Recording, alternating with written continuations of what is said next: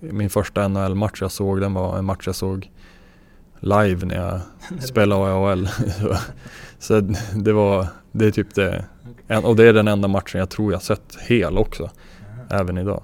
Och det är nog bara för att jag inte, jag vet inte. Ja, det bara blir så. Du hade ju kunnat bli en spelare som hade spelat fler NHL-matcher än du sett. ja, det hade varit coolt. Den chansen finns fortfarande. Du, ja. du får nog inte titta så många fler då.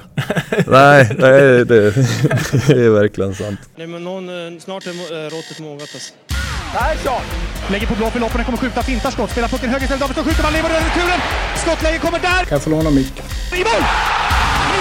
Hur skjuter karln? Hur skjuter han? Jag kan bara säga att det där är inget skott faktiskt Lasse, det där är någonting annat. Det där är liksom, han skickar på den där pucken så jag nästan tycker synd om pucken. Den grinar när han drar till den. Utan Fröbo var målvakt! Kan jag få låna micken? Kolla! Poff! En allvarligt talat Leif Boork håller på med hockey i 600 år! Kan jag få låna micken? Det här är SHL-podden från Betsson. Jag heter Mårten Bergman och i det här SHL-podden möter-avsnittet träffar jag Växjös backklippa Daniel Rahimi. Vad vi snackar om, det hittar ni i beskrivningen till den här podcasten och mig når ni lättast på Twitter, at Martin Bergman eller via mail, solpodd gmail.com. Jag ska inte orda mer, utan vi vrider tillbaka klockan till den 18 februari i Vida Arena. Daniel Rahimi. Mycket nöje. Vi har ju poddat eh, förr i liksom SHL-poddens vagga. Du var väl typ gäst nummer sju eller något tror jag. Riktigt tidigt. Hänt en del sedan dess. Eh, så jag har liksom skrivit upp allting som du sa då. Så nu ska vi följa upp. Nu ska, hur, nu ska det granskas om det bara är snack eller om det även blev så. Nej, men du har ju haft en resa sedan eh, Linköpingstiden där det har hänt ganska mycket. Mm. och SM-guld ska vi förstås prata om. Men jag kommer ihåg att du sa under den intervjun att ah, men Jo, kanske för länge med Linköping, men ändå sugen på att testa något annat än Sverige. Och så blev det Schweiz och Davos. Och du, jag tänkte ett, kul för honom och två, de brukar inte värva den spelartypen. Mm. ja, men det ligger mycket i det. det var, för mig var det ju jätteroligt. Jag hade ju eh, ambitioner till såklart att bli bättre och jag ville liksom testa något nytt och, och, och ja, men, se hur en annan liga fungerar och bredda som ens erfarenheter. Och så fick jag chansen i Davos, vilket jag också kände var... Jag hade en bra säsong men det kändes också lite oväntat kanske. Eh, men det passade ju som handen i handsken. Det har varit perfekt för mig. Eh, sen var ju tiden där, det är ju en historia i sig såklart. Okej. Hur var den? Eh, jo men först och främst var den ju rolig och jag hade ju mm, Alltså Davos är ett fan, en fantastisk plats och eh, som familj trivdes vi jättebra. Eh, sen är ju schweiziska ligan som är hockeymässigt, det skiljer sig mycket från Sverige. Eh, där den defensiva delen kanske inte prioriteras och, och sådär. Vilket var anledningen kanske till, till att jag var där också. Men jag kände kanske att öppenheten till att utveckla den delen i spelet, just då i Davos i alla fall, kanske inte riktigt fanns där. Eh, sen hade jag ju ganska otur också med, med skador och sådär. Mm. Eh, började ju Första dagen jag kom dit så hade vi tester eh, och eh, vi skulle springa ett eh, gammalt klassiskt eh, Cooper-test, 3000 mm. meter löpning. Eh, men det var ju på hög höjd och jag hade inte riktigt akklimatiserat mig på den höjden så eh, på sista varvet när det är ungefär ja, 150 meter kvar så eh, kollapsade jag och trillade, trillade ihop Eh, varpå jag ställde mig upp igen, ramlade igen, eh, ställde mig upp igen och sprang in i mål. Kollapsade igen och kunde inte hämta andan på, eller ja, min puls gick inte heller ner på typ en timme. Så jag har varit inlagd på sjukhus i två, i två dagar där. Eh, oj! ja, Shit! Ja, jo, men det var som sådär, jag tänkte oj vad hände där? Man var ju nu visade ju alla tester efter ett par dagar att de hade stabiliserat sig och allt var ju som bra. Men jag fick ju ta det lite lugnt de första dagarna. Mm. Eh, men som ett brev på posten så gick ju mitt bakre korsband också av när jag eh, ramlade under den löpturen. Mm. Som jag drogs med egentligen hela första halvan av säsongen. Eftersom jag inte visste vad det var så spelade jag ju med det i drygt två månader. Så ja, fortsatte det sådär. Så det, det, det, Men vadå, du spelade med korsbandet av i två månader? ja, med bakre korsbandet ehm, är du inte li, riktigt lika beroende av som det främre. Eh, sen var ju knät konstant svullet och eh, det gjorde väldigt ont och varje gång jag liksom trillade eller eh, även när jag åkte kände jag att jag inte hade den här kraften i, i det. Men det skiljer sig en del från en främre korsband, då är det ofta operation och sådär. Så Mm. att knät var ju stabilt i sig men fortfarande trasigt. Då. Så att, eh, ja. Och sen efter ett par veckor efter den smällen så då eh, skar jag även av en sena i fingret eh, under lite matlagningskonster. Eh, så jag hade som en tuff start där och kände väl att jag inte riktigt kom in i det direkt. Men sen det tog sig med tiden också. Ja, nu sa du när vi inte spelade in att du, kom, att du ändå kom först på det här fystestet.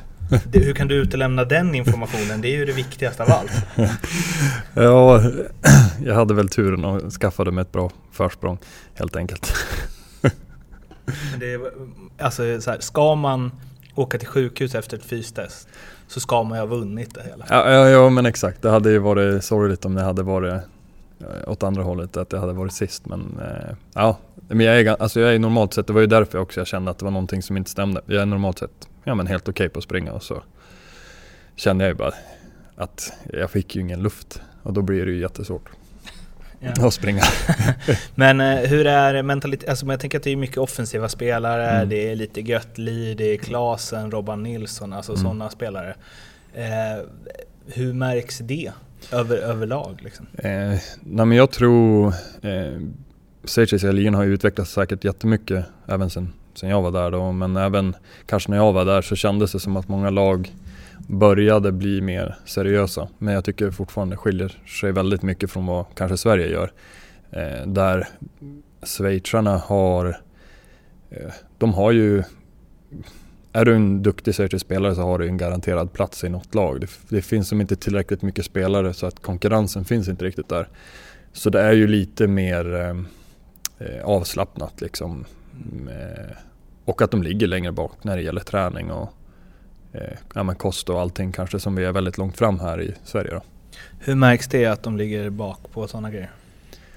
Eh, nej, men jag tror bara generellt så är inställningen till, nu kan jag bara tala för Davos eftersom det var där jag var, så är inställningen till kanske träningen utanför isen. För på isen då, då tycker jag det höll bra kvalitet, men utanför isen så var det ganska, ja, eh, vad ska man säga, väldigt avslappnat. Och eh, det är ju stående exempelvis att man har kaffekaka innan varje match där man eh, kör ett maxstopp då med bussen en 20 minuter innan man kommer drinken och så beställer alla in en glass och en kopp kaffe eller om det är en stor kaka. Jag menar det, det jag tycker på ett sätt är ganska härligt för de har den attityden till den. Samtidigt så um, kanske inte det bästa för din prestationsförmåga. D- dras man med eller? Eh, nej men jag tycker ändå för egen del så har jag haft ganska lätt för att både träna och, och eh, ändå varit medveten om att man bör äta bra för att kunna prestera bra. Det är ju en sån här gammal klyscha men, eh, ja, men så var det för min, min del. Jag försökte ändå som göra min grej och vad som jag vet funkar för mig. För i slutändan så handlar det ju ändå bara om att prestera. Så, så du var liksom så här den tråkiga som inte åt glass? Ja, ja, jo, ja men tyvärr. Som gav alla andra dåligt samvete? ja men det var väl lite så kanske. Eh, jo men det, det, det kan jag säga, det, det stämde. Men jag, jag tog igen den när ingen såg kanske. Okej. Eh, var du där nere själv eller? Nej, jag hade familjen med mig. Eh, och det var ju fantastiskt. Jag menar det var en upplevelse för både ja, Linda och min, eh, min tjej och eh, ja, med familjen för barna. Eh, vi hade Flora då som var tre och ett halvt och eh, ja men vi bodde 200 meter från, eller ja inte ens det, 100 meter från barnbacken så hon kunde åka skidor varje dag och vi hade längdskidspåret där och mycket snö och mycket vandring och det var ju fantastiskt liv så, alltså det var, det var ju som en annan planet. Eh, så vi trivdes ju super alltså utanför.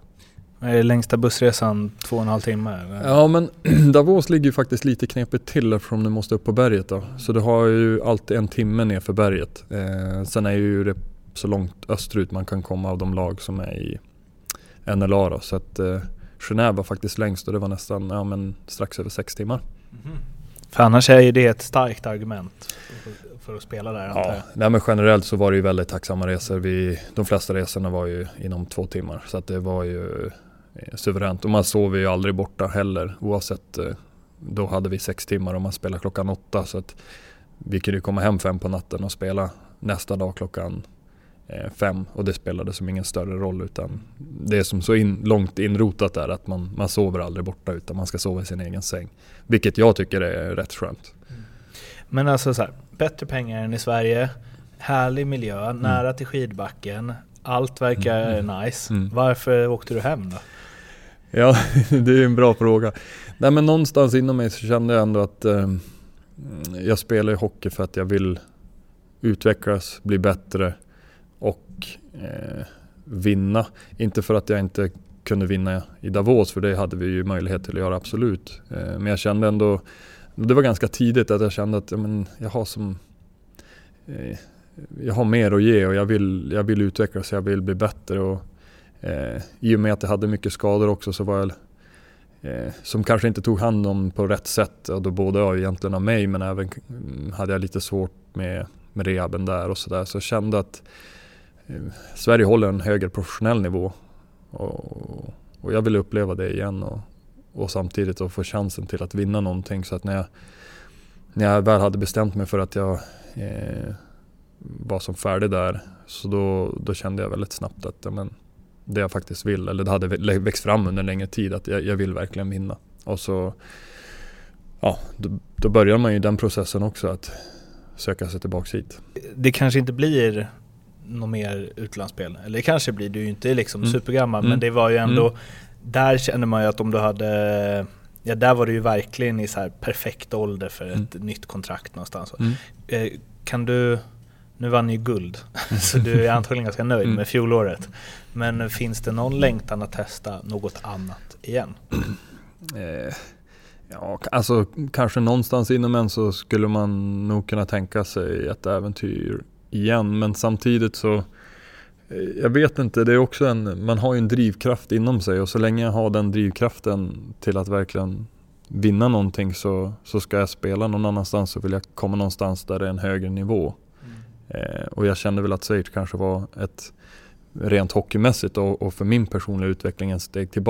Och det, jag trivdes som inte med det. Och då spelade det ingen roll att det var som, vi beskrev, eller som jag beskrev innan, jättebra utanför. Utan ja, då, då kände jag att liksom Sverige var den bästa ja, plattformen för mig. Hade du kunnat eh, dra till en eh, tundra i Sibirien för pengarna ett Eh, år? Nej men det där är ju jättesvårt också att svara på. Man vet ju inte när möjligheten dyker upp och sådär och man är i en annan fas i livet nu. Men samtidigt så känner jag ändå, för mig är familjen väldigt viktig och det är en förutsättning för att jag ska kunna prestera också. Så att det krävs ju att de trivs. Eh, Rent spontant känns det ju som nej då men mm, ja, jag ska väl inte stänga någonting eh, överhuvudtaget men jag trivs också väldigt, väldigt bra i Växjö. Både med hockeyn vi spelar, sätt tränarna jobbar på. Eh, vi trivs jättebra i stan så jag ser som nu idag, om du frågar mig nu, så ser jag ingen anledning till att flytta härifrån. Hade du kunnat spela i Skellefteå? Med Ja. Löven-bakgrunden. När vi gjorde Fimpens Resa nu så berättade de att eh, förr i tiden i alla fall så åkte liksom Löven-fans på Skellefteå-matcherna och höll på det andra laget. Oavsett vilket det var. Det är ändå rivalitet. Ja men det är ju fantastiskt. Men vi hade ju, eller vi, eh, ja men det kan man säga. Med Växjö så hade vi ju en del stöd i fjol då med på, under finalserien där det var en hel del Löventröja på läktaren. Och det, ja, det är ju det är värmande. Jag tycker det är häftigt att den rivaliteten fortfarande lever kvar och det i allra högsta grad trots att de har varit nu skilda från serier här nu i, ja hur många år? Herrans många år. Ja, det måste ju nästan vara tio år nu. Ja. Så att, ja, det är ju superhäftigt. Så inget Skellefteå alltså? Det är samma där. Jag, jag, är, jag gillar ju utmaningar och testa nya grejer. Så jag, jag skulle nog aldrig säga tvärnej till någonting längre tror jag. Ja. Men det är klart att det, mm, det skulle ju vara ta sig en funderare många gånger om innan man valde det. Så är det. Eh, Det blev ju som sagt eh, Växjö när du vände hem till Sverige och eh, vilken jäkla säsong får man ju säga. Ja, nej men det var... Ja, jag tycker du beskrev det ganska kort och bra där. Nej men det var ju fantastiskt. Vi hade ju, det kände man direkt redan från början, första gången vi samlades, första träningarna, första matchen.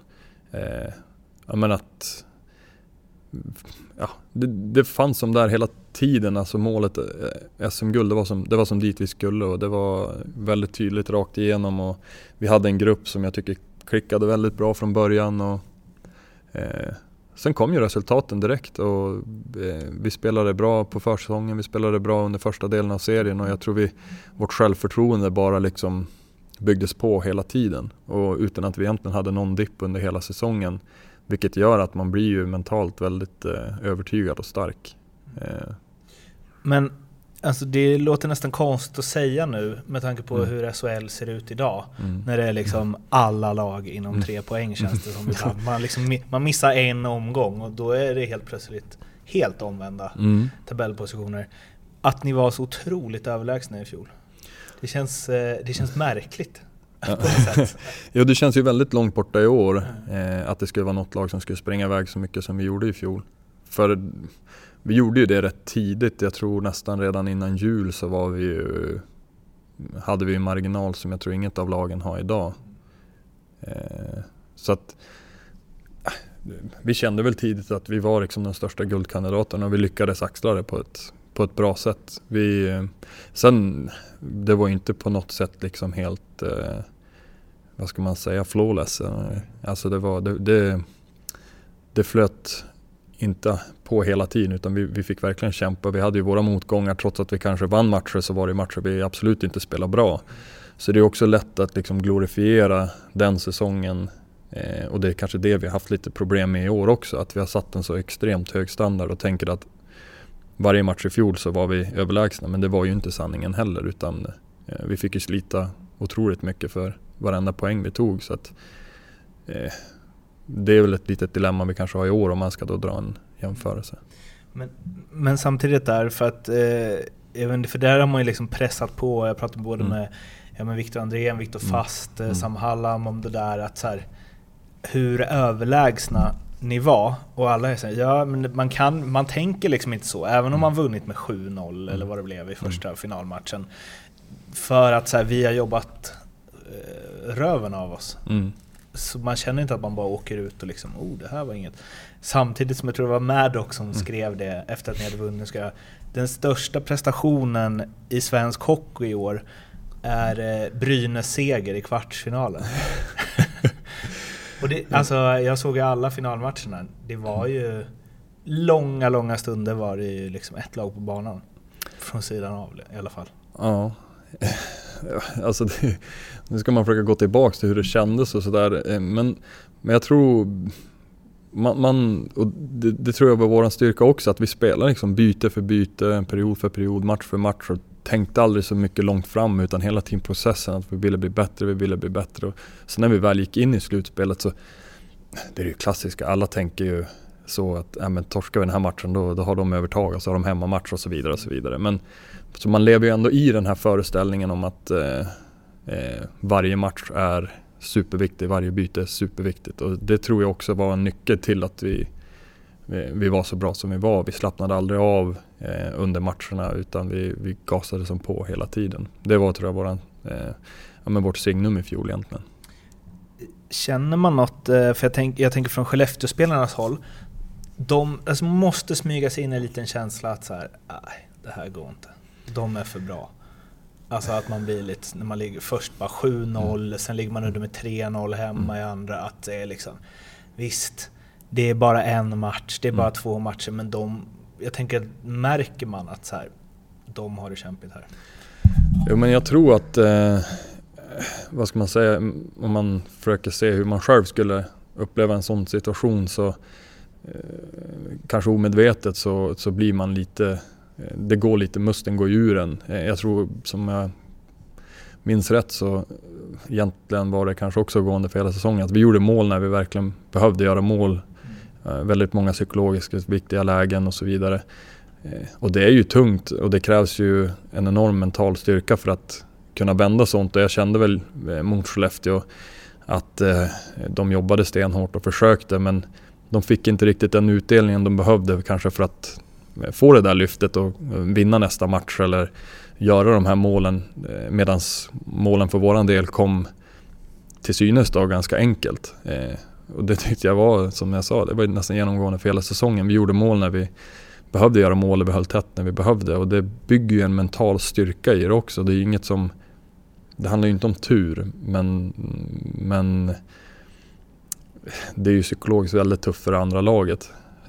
Så att det är klart man såg på Skellefteåspelarna att de, de, de var i uppförsbacke och, och, vi hade liksom nedförsbacke. Så, mm. så var ju känslan på isen också. Match, match tre var ju verkligen så, för då var det ganska jämnt. Mm. Typ till mitt var det mitten av andra? För de gjorde mm. 1-0 kommer jag ihåg. Mm. Och sen så gör Boom och så här, ja, skott är väl att ta i. Men gör något från blå i alla ja, fall. Ja. Som bara, alltså som att, men en sån puck som går in liksom en av 25 mm. kanske. Mm. Och, och då var det som att de bara, åh nej, mm. igen. Ja. Det är ju så, så ni hade ju en målvakt som höll nollan i tre av fyra matcher också och en Elias Pettersson som gjorde vad han ville. Alltså så även om ni inte var på topp så spelar ju inte det... Och så var ni ändå på topp. Jo, jo, jo men exakt. Men, vi hade det där stämmet som jag tror, ja, men som man egentligen har sökt hela sin karriär. Jag har aldrig spelat i ett lag där jag upplevt att eh, att man har haft det flytet bara hela tiden. Och det var ju inte heller så att det, det kom ju inte gratis utan vi jobbade ju väldigt hårt för det. Men, men vi fick det likväl, mm. om du förstår vad jag menar. Så det är det som jag tyckte var fascinerande och jag tror det var det många av våra motståndare kändes och, eller kände också när, vi mötte, när de mötte oss då i fjol. Att det, var, det var mycket täta matcher, en match kunde vara jämn i två perioder men sen i tredje så lyckades vi eh, ja, vinna till slut för att vi hade byggt upp ett sånt självförtroende i de avgörande lägena också. Vilket är viktigt om det ska gå hela vägen. Kan, man, eh, kan ni vara lika bra, bli lika bra i år? Eller, alltså för jag tänker så att man kan få det mm. stämmet och så ändå. Mm. Men om man tittar på en sån som Elias Pettersson ändå. Vi ser vad han gör i NHL, liksom, mm. hur bra han var. Alltså, och Robban Rosén. Det är ju klart att man, alltså jag tänker man plockar ändå bort två alltså, superforwards med Ja, Elias är det ju med världsmått mätt mm. liksom. Mm. Uh, kan ni bli lika bra utan dem? Eh, alltså, jag tror ju det. Jag tror att vi kan bli lika bra. Absolut. Fast på ett annat sätt. Jag tror eh, det som har varit kanske vårt problem lite i år att vi har jämfört oss själva mycket med fjolåret och att vi hela tiden eh, eh ja, men aldrig riktigt blir, eh, blir nöjda eftersom vi har så hög standard. Och det, det, är bra men jag tror också att man ibland behöver glädjas eh, för en seger trots att man kanske inte har spelat jättebra. Nu har vi haft svårt att få det här flytet i vårt spel där allting stämmer. Eh, Medan jag tycker i fjol så kanske vi hade det flytet och stämmet i princip i 80 matcher. Eh, Medan i år så har vi fått verkligen kämpa och, och, och slita till att eh, få det här enkla med oss som vi inte riktigt har fått eh, egentligen under hela säsongen. ska gå till eh, del två. Vissa av de här frågorna fick du väl sist, men det är väl kanske fem mm. av 25. Så du får... Du har säkert glömt bort vad du svarar också, så vi säger att det är första gången. Förutom Foppa Sudden Lidas, Sveriges bästa spelare genom alla tider. I Rahimis bok. I min bok? Eh, allt det här, sådana här saker är alltid så svårt. Eh, men jag har alltid varit förtjust i Näslund. Jag tycker han jag vet inte, jag fick, eh, jag var på camp i, jag var draftad i Vancouver och var på camp med honom och sådär bara få se honom på nära håll liksom på, på det sätt han både var som person men även som spelare. Att han bara ja, men fick med sig puckarna och liksom hittade de otroligt smart spelare. Och, eh, jag beundrar honom väldigt mycket så jag tycker han är definitivt i min bok eh, där uppe. Förutom Gretzky och Lemieux, världens bästa genom tiderna? Mm. Jag är ju inte så hockeyintresserad. så det är svårt för mig att svara på men jag, mitt absolut bästa och finaste hockeykort som barn, det var ju Patrick Roy. Så det får väl säga målvakt. Det Men- kanske bara var för just att han var målvakt, att jag hade det kortet också. Var det att kortet var fint? Ja, var det var mest, det var, exakt, det var bara ett fint kort. var värt mycket i, vad hette där, bäcket som man kollade upp värdet på hockeybilderna. Eh, om det finns något sånt idag, gå inte på det för de är inte värda något. eh, om det hade funnits en tidsmaskin och du hade kunnat åka tillbaka till 1990 så bra som det är idag. Tror du hade tagit plats i första backpar i alla NHL-lag då? Nej, det tror jag inte. Men jag tror ändå att sporten utvecklas otroligt mycket. Eh, just, men kollar man, det är bara när man tittar på så gamla bilder från eh, olika mästerskap eller om det är NHL så, där, så ser man ju att farten idag är ju eh, betydligt mycket högre.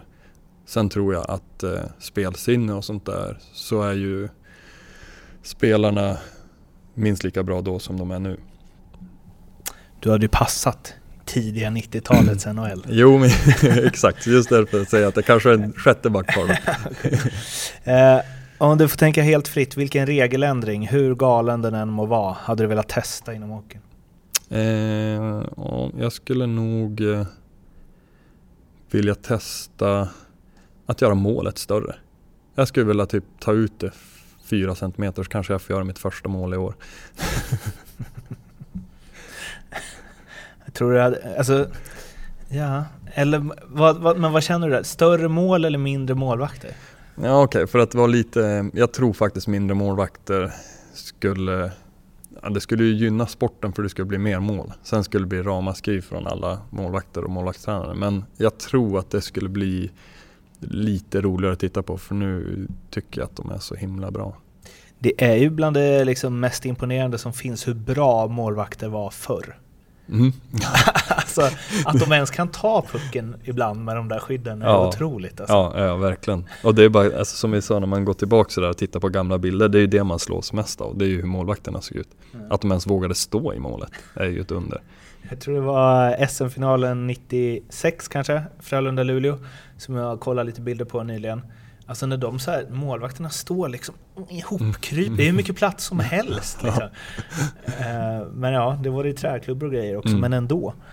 Eh, Den bästa spelare du spelat med och då inte utifrån den som blev bäst eller fetast eh, CV eller så, utan den, det bästa du har sett i samma lag som dig någon gång. Och det är väldigt svårt. Men alltså jag tycker ju Per Ahlbrandt var en sån där spelare som jag spelade med som man bara njöt av att titta på. Han var...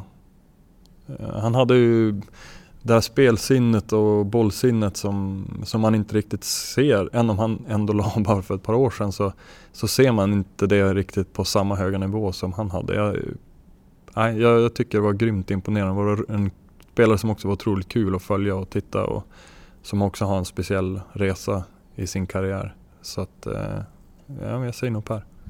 Jag gör ju SHL-podden varje vecka med honom. Mm. Eh, han har ju alltid någon ny sport som han testat, som han är bra på. Ja, det, är just, det är just det där sista som han är bra på. För han är ju, allt han tar sig an känns det som, så länge, ja det är med mycket annat också, men har en boll med i det hela så då, då gör han det ju bra. Alltså han har det där i sig och det är sån talang.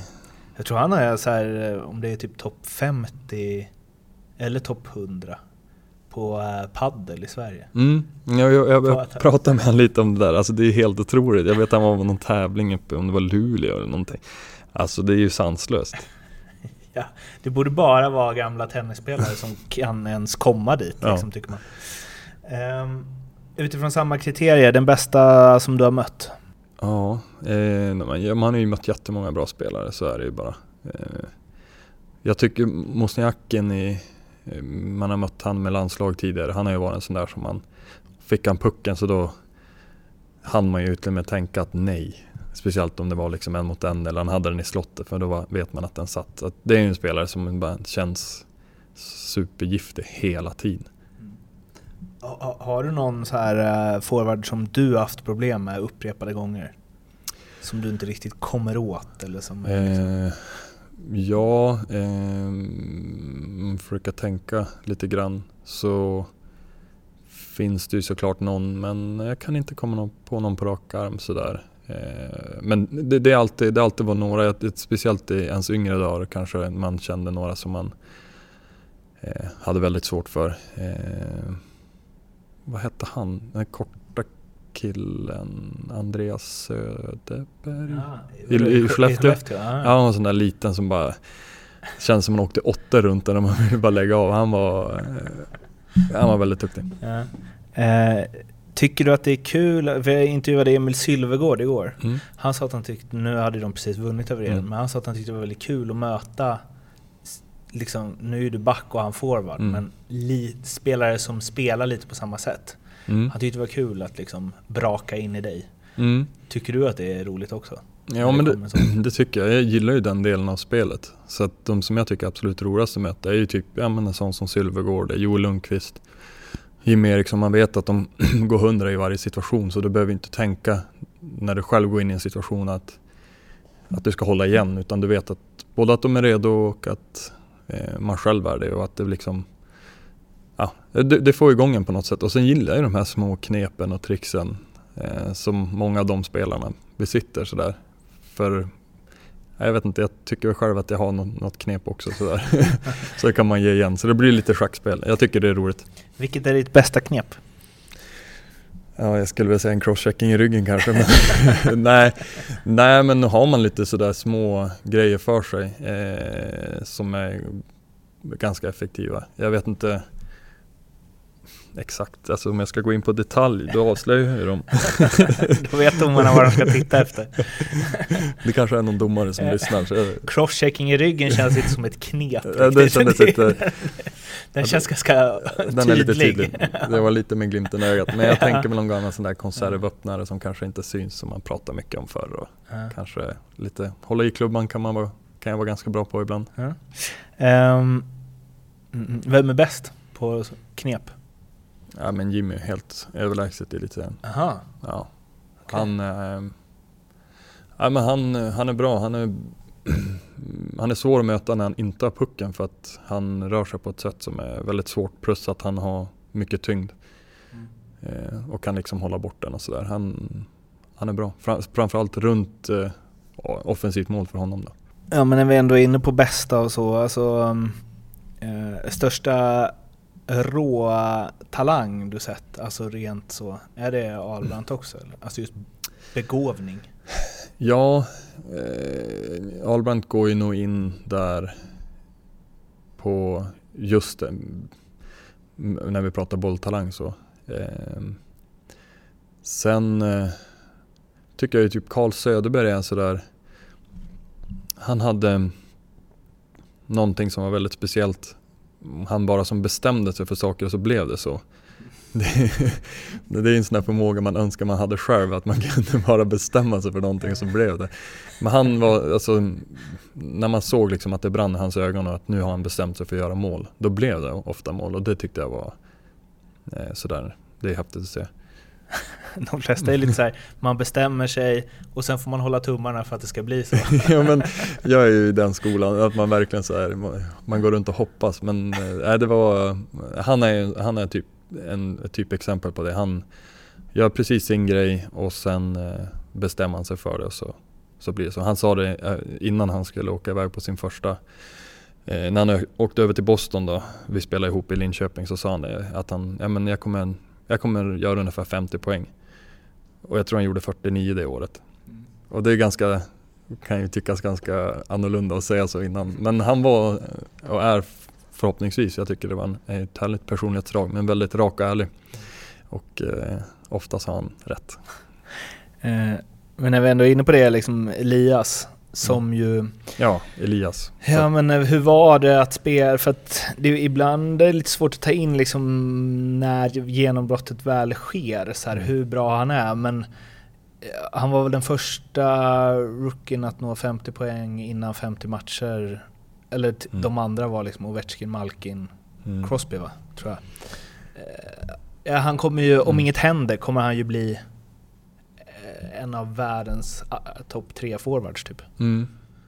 Nej, eh, för att komma tillbaka till största råtalang så är det ju självklart är det Elias. Mm. Och det är ju också samma sak. Han kanske har det kombinerat vad jag beskrev i Carl Söderberg och Albrandt. Han har ju en extrem bolltalang alltså.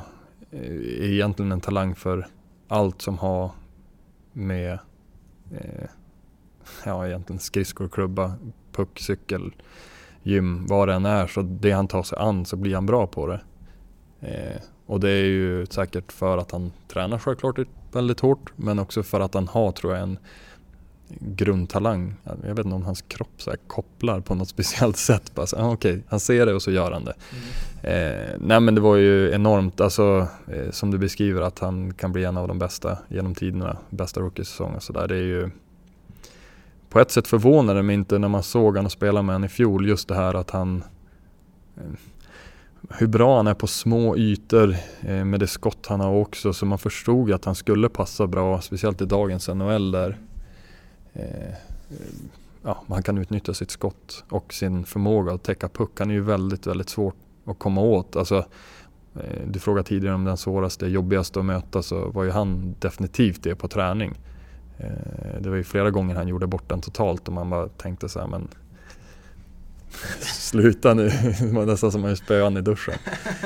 Eh, nej, han är ju bara en sån, ja, en sån typ av människa som gör saker, blir bra på det, blir bäst på det. Mm. Och så punkt slut och så fortsätta med nästa grej och så fortsätter det. Han kommer ju ha en jättelyckad och fin karriär. Eh, det, det är utan tvekan. Det enda som kan stoppa honom är väl om han skulle ha oturen och åka på någon eh, allvarlig skada. Men det hoppas vi inte. Nej, men för, det måste typ, för när jag såg honom med träningsoverall förra året mm. så tänkte jag så här, Va? Är han så spinkig? Mm. Och utifrån du då som mött mm. honom träning efter mm. träning och är liksom känd för att vara en av SHLs bästa på fysiskt mm. spel. Jag tänkte så här, men det är väl bara att putta undan honom?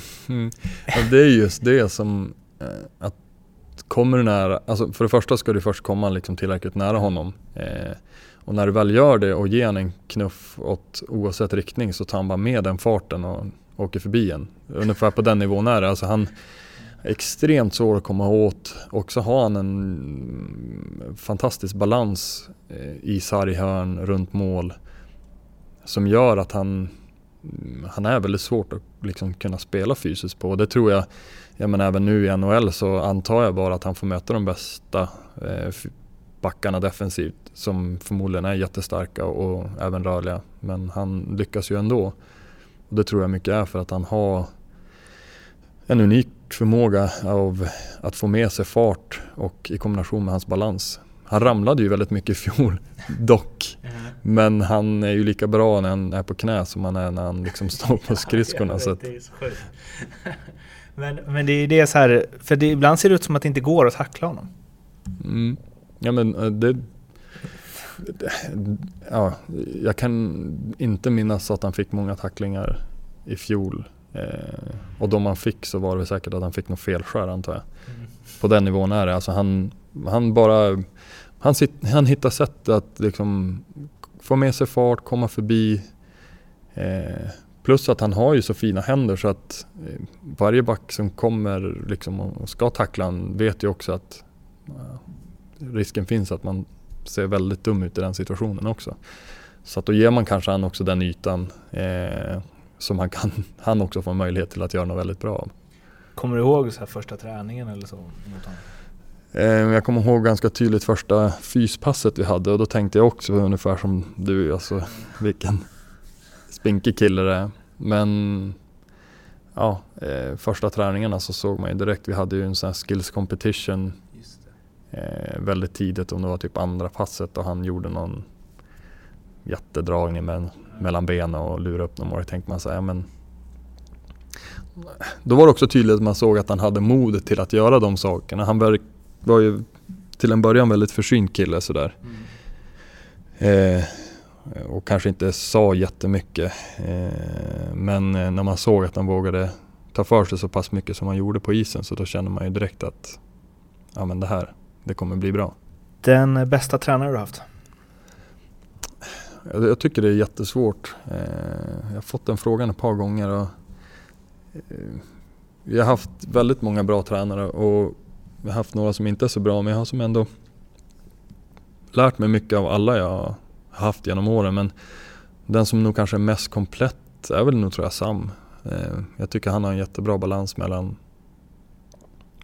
det taktiska i, i spelet eh, samtidigt som han har eh, ja, men en väldigt bra ledarstil på det sätt han liksom jobbar med både individer men även liksom laget. Han ser mycket till eh, ja, men den mentala delen av hockeyn som är en väldigt stor del också. Så det, det, han är nog absolut en av eh, de bästa, om inte den bästa jag haft. Eh, sen tycker jag Roger Melin hade många väldigt starka sidor också.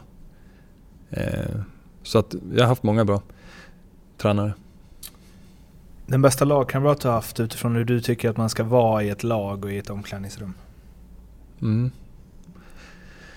Eh, alltså, det är också, man har haft fördelen att spela med så många bra människor och duktiga hockeyspelare såklart, men framförallt många bra kompisar och människor. Men eh, Sebbe Karlsson är en sån där som alltid kommer in med ett leende på, på läpparna och alltid pushar och ger verkligen allt i alla situationer. Det är väldigt eh, eh befriande och liksom fint att få fått att spela med en sån, sån människa. Han lärde mig mycket av. Sen har jag ju spelat med väldigt många fina ledare också. Eh, tycker Liam är en sån som vi har nu som kapten. Eh, jag har haft eh, Mange Johansson. Eh, ja, som var en kapten jag hade i HV som också var en fantastisk människa som både i allt på isen men har en väldigt balanserad eh, personlighet utanför. Har du blivit starstruck inom hockey någon gång? Nej, men det är nog mycket för att jag inte är så eh, sådär jättehockeyintresserad. Jag har aldrig kollat på hockey på TV och liksom aldrig följt hockey eh, annat än vad jag tror eh, vem som helst. Liksom. Jag, som barn så såg jag inget direkt så. Min första NHL-match jag såg den var en match jag såg live när jag spelade AHL. så det var, det är typ det och det är den enda matchen jag tror jag sett hel också. Även idag. Och det är nog bara för att jag inte, jag vet inte. Ja, det bara blir så. Du hade ju kunnat bli en spelare som hade spelat fler NHL-matcher än du sett. ja, det hade varit coolt. Den chansen finns fortfarande. Du, ja. du, får nog inte titta så många fler då. nej, nej det, det, är verkligen sant. Um, Man kan i alla fall säga att jag nästan är på even. Uh, Eh, vilken atlet för någon annan idrott är du mest imponerad av? Eh, alltså jag imponeras ju mycket typ skidåkare, längd. Alltså, det känns som de har en otrolig mental styrka. Eh, men någon som ändå har slagit mig det är ju Ara Abrahamian. Eh, alltså jag såg någon dokumentär med honom och jag bara såg hur han tränade och hur mycket han brann för det. Och det var lite det här samma sak, han bara bestämde sig för att nu ska det bli så här och så bara gav han allt och så följde de han i den dokumentären. Sen har man ju sett också, ja, det man har sett är ju liksom under OS och något VM kanske sådär. Eh, men brottare är ju generellt en sån där sport som det är så oglamoröst det bara kan bli. Mm. Men eh, eh, ja, att då få vinna i en av kanske världens största och äldsta sporter är ju det är otroligt fint å andra sidan men de har liksom var fjärde år de har en möjlighet till att glänsa vilket gör det ännu mer eh, fascinerande. Hur, när du har varit som bäst, hur nära tror du att du varit ditt max då? Jag tror jag är väldigt långt ifrån mitt max och jag tror jag aldrig riktigt har varit nära mitt max. Eh, jag tror som spelare att man kan utvecklas eh, hela tiden, bli bättre hela tiden. Sen är det ju den här kombinationen med fysiskt, alltså vad man klarar av fysiskt och vad man eh, mentalt och sen är det såklart tur om du ska vara nära på ditt max, att du ska spela just max den dagen. Men jag, jag tror jag har varit ganska långt ifrån och jag tror jag har mycket mer att ge också. Tror du, tror du kommer nå mycket närmare ditt max? Jag tror jag kommer ta kliv, eh, det tror jag absolut. Annars hade jag nog inte hållit på heller. Mm. Ehm, hur många procent talang versus hårt, uh, hård träning är du?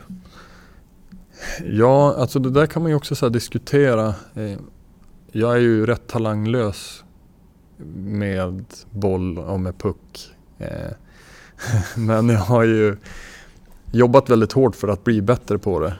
Eh, och det tror jag är en talang i sig också, rent sådär fysiskt. Jag är ganska lättränad.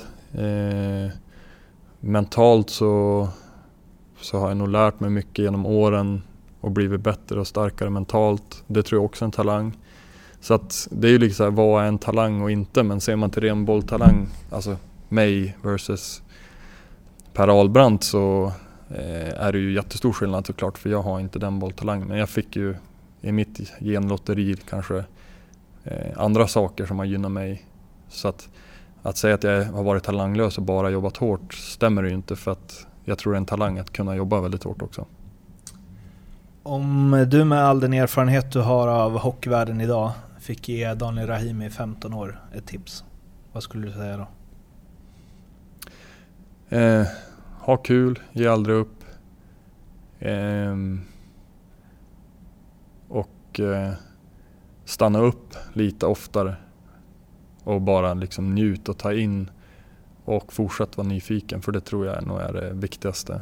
Eller har varit det viktigaste i min karriär så här långt. Att, att njuta av liksom... Ja men njuta och liksom också vara ny, nyfiken. Att, ja, det har jag känt mer och mer att det kanske har bara legat där subtilt någonstans. Men har kommit fram mer nu att jag alltid har varit väldigt nyfiken på att bli bättre och lära mig nya saker. Och mycket med människor och man träffar otroligt mycket människor när man spelar hockey. Av alltså, olika typer av människor. Det är ju superintressant och då tror jag man blir en bättre människa, inte bara hockeyspelare. Vem har betytt eh, mest för din karriär? Eh, oj. Alltså det är klart ens familj och Eh, har ju betytt väldigt mycket. Alltså min mamma och pappa, speciellt i tidig karriär, att de ja, men fanns där och stöttade en. Ehm, eh, köpte grejer som de kanske egentligen inte hade råd med, Skjutsade en när de inte hade tid. Eh, så det är ju såklart, de har ju betytt otroligt mycket. Men sen har ju Linda, min ja, blivande fru, har ju super, eh, betytt supermycket också. Eh, mina barn, att liksom man kommer hem och man får verkligen stänga av. Och jag, när jag har varit ledig så har jag alltid verkligen känt mig ledig för att jag kan verkligen koppla bort hockeyn och sådär. Eh, och de har stöttat när de har sett när man är låg och sådär. Det, det är sådana saker som har varit väldigt viktigt för mig. Som du uppfattar det, vad är den största allmänna missuppfattningen bland folk om hur livet som professionell hockeyspelare? Jag tror det här, alltså fördomar, eh, det är ju lätt att dra alla över en kam. Är det många som spelar tv-spel eh, hela dagarna? Ja, det är några stycken, men inte alla. Eh, det tror jag det är klart det finns mycket fördomar om hockey och eh, förutfattade meningar om hockeyspelare. Eh, men jag tror det största som folk kanske inte vet är att vi faktiskt är olika som vanliga människor och har olika intressen och gillar olika saker. Eh, så det, det, tror jag är, jag menar jag skiljer mig jättemycket från eh, kanske man säger Dominic Bock som är 18 år i början av hans liksom, karriär och liv. Så vi har ju som helt eh, olika liv. Men med det sagt också kan våra liv vara väldigt lika när han är i den åldern jag är i, möjligt. Men ja, alla är väldigt olika så jag tror det är svårt. Nu glömde jag till och med bort frågan. ja, men du höll dig på rätt eh, röd tråd hela vägen. Eh, om du skulle få samla alla Sveriges sportjournalister och de druckit någon magisk dryck som mm. gör att de bara embracear allt du säger och mm. tar med sig i sina fortsatta journalistkarriärer. Vad säger du då? Eh, Rahimi 5 plus. Exakt. Fem getingar, fem plus. Nej men jag tror att någonting jag skulle vilja säga till journalisterna generellt är ju att Eh, jag förstår att de är kritiska i många fall men jag tycker svensk eh, journalistik är väldigt, eh, eller väldigt, men kan vara gnällig ibland. Och jag, jag förstår att de ska liksom sälja lösnummer och så vidare och få många klick. Men eh, någonstans så är vi i det här tillsammans och vi vill bygga SHL och liksom få det till ett starkare varumärke och folk kommer och tittar och det kommer ju generera mer pengar och bättre spelare och bättre sport och sådär. Jag tycker framförallt eh, SHL som hockeyliga. Nu pratar jag inte om allt det här andra som med allsvenskan upp och nedflyttningar och sådär. Men jag tycker det har varit väldigt mycket det här det var bättre förr. Eh, kvaliteten är så mycket sämre nu och kolla på de här spelarna som är här. Ja men vänd på det. Kanske Sverige har blivit så himla bra på att utveckla och fostra talanger och skicka iväg. Jag, jag, jag tycker det som... Ah, det blir en... Det blir någonting jag tycker ofta jag ser i journalistiken idag eh, om man läser om hockey. Nu läser jag inte jättemycket men det jag läser tycker jag ofta läser att det var bättre förr. Och jag tycker det är bara... Oh, jag tror jag spyr alltså. Ehm, Din största framgång inom hockey? Eh, nej men det är SM-guldet. Eh, utan tvekan. Jag tycker att eh, för mig personligen var det ett väldigt stort mål och sen att man får uppleva det i en grupp eh, som man betydde väldigt mycket och som man har jobbat väldigt hårt tillsammans med och tätt under lång tid. Eh, det var något alldeles speciellt så det är min absolut största framgång.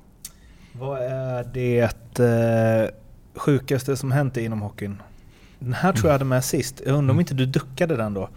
Eh, men så här, en rolig anekdot från karriären. ja, ehm, det, det är sånt där som man, eh, det, när saker väl händer, att man då bara vill liksom pausa, skriva ner det, liksom spara det på någon diskett någonstans. Eh, men eh, jag tror att, något roligt som har hänt. Jag spelade en match med HV, eh, jag tror mitt första år där. Och det var sista matchen på säsongen och eh, vi spelade om eh, seriesegrare. Mm.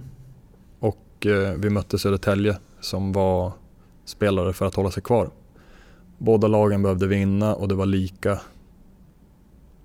Och båda tog ut målvakterna i slutet av matchen. Mm. Nej, ursäkta. Båda tog inte ut målvakterna. De, det var som att båda lagen väntade och jag tror att det var Södertälje som tog ut den och vi gjorde mål. Hur som helst så blev de degraderade det året, tror jag. Eller i alla fall spelade kvalserien. Och vi vann serien. Mm. Så det var väldigt eh, sådär snöpligt. Men det var liksom det blev någon form av så chicken race. Ja, Vem men, som tar ut keepern. Ja, exakt, för båda visste ju att man var tvungen och båda ville göra mål. Ja, det var helt, eh, jag vill minnas det som väldigt ja, men, märkligt. märkligt. Eh, så det var en sånt där minne som, sen hade vi någon gång, det var även det i HV när vi mötte AIK och låg under med 6-1. Eller 6-0. 6-1 och vände till och vann i sadden. Ja, det är ju också sådär, nej men det, det ska ju som inte gå liksom. Jag intervjuade ju Marcus Svensson, mm. han stod i den matchen AIK. Lasse Anrell skrev dagen efter att han är världens sämsta målvakt. Ett och ett halvt år senare var han SM-guld med Skellefteå. ja, och det är det som också är så grymt häftigt i den här världen, att det kan bara svänga sådär. Eh, men det var ju helt sanslöst och sen åkte vi ut fyra raka matcher mot dem i första kvarten också. Ja, okay. Så att, eh, ja, och lite det, ge, ge och ta. Ja. Mm. Eh, om du helt och hållet fick eh, regissera din sista match i karriären, vilket lag du spelar för, hur gammal du är, vad som händer i matchen? Eh, ja, alltså det är ju bara att dra till om man ändå får drömma. Skulle nog vara en OS-final. Och Rahimi åker solo från bakom egen kasse. Vad gör han? Vad gör han? En, två, nu är han helt fri med målvakten och gör mål! Nej, något i den stilen kanske. Enhands, enhandsbacken. Han får inte upp den, men den går mellan benen ändå. Nej, eh, ja men något i den stilen. En OS-final eller... Det, jo men en OS-final hade nog varit någonting som hade varit alldeles speciellt. Eh, ja, det här har du redan svarat på en gång jag har ju intervjuat Johannes Salmonsson nu. Mm. Så vem borde jag intervjua härnäst? Nuvarande SHL-spelare eller ledare? Eller så. Ja. Mm. Eh, jag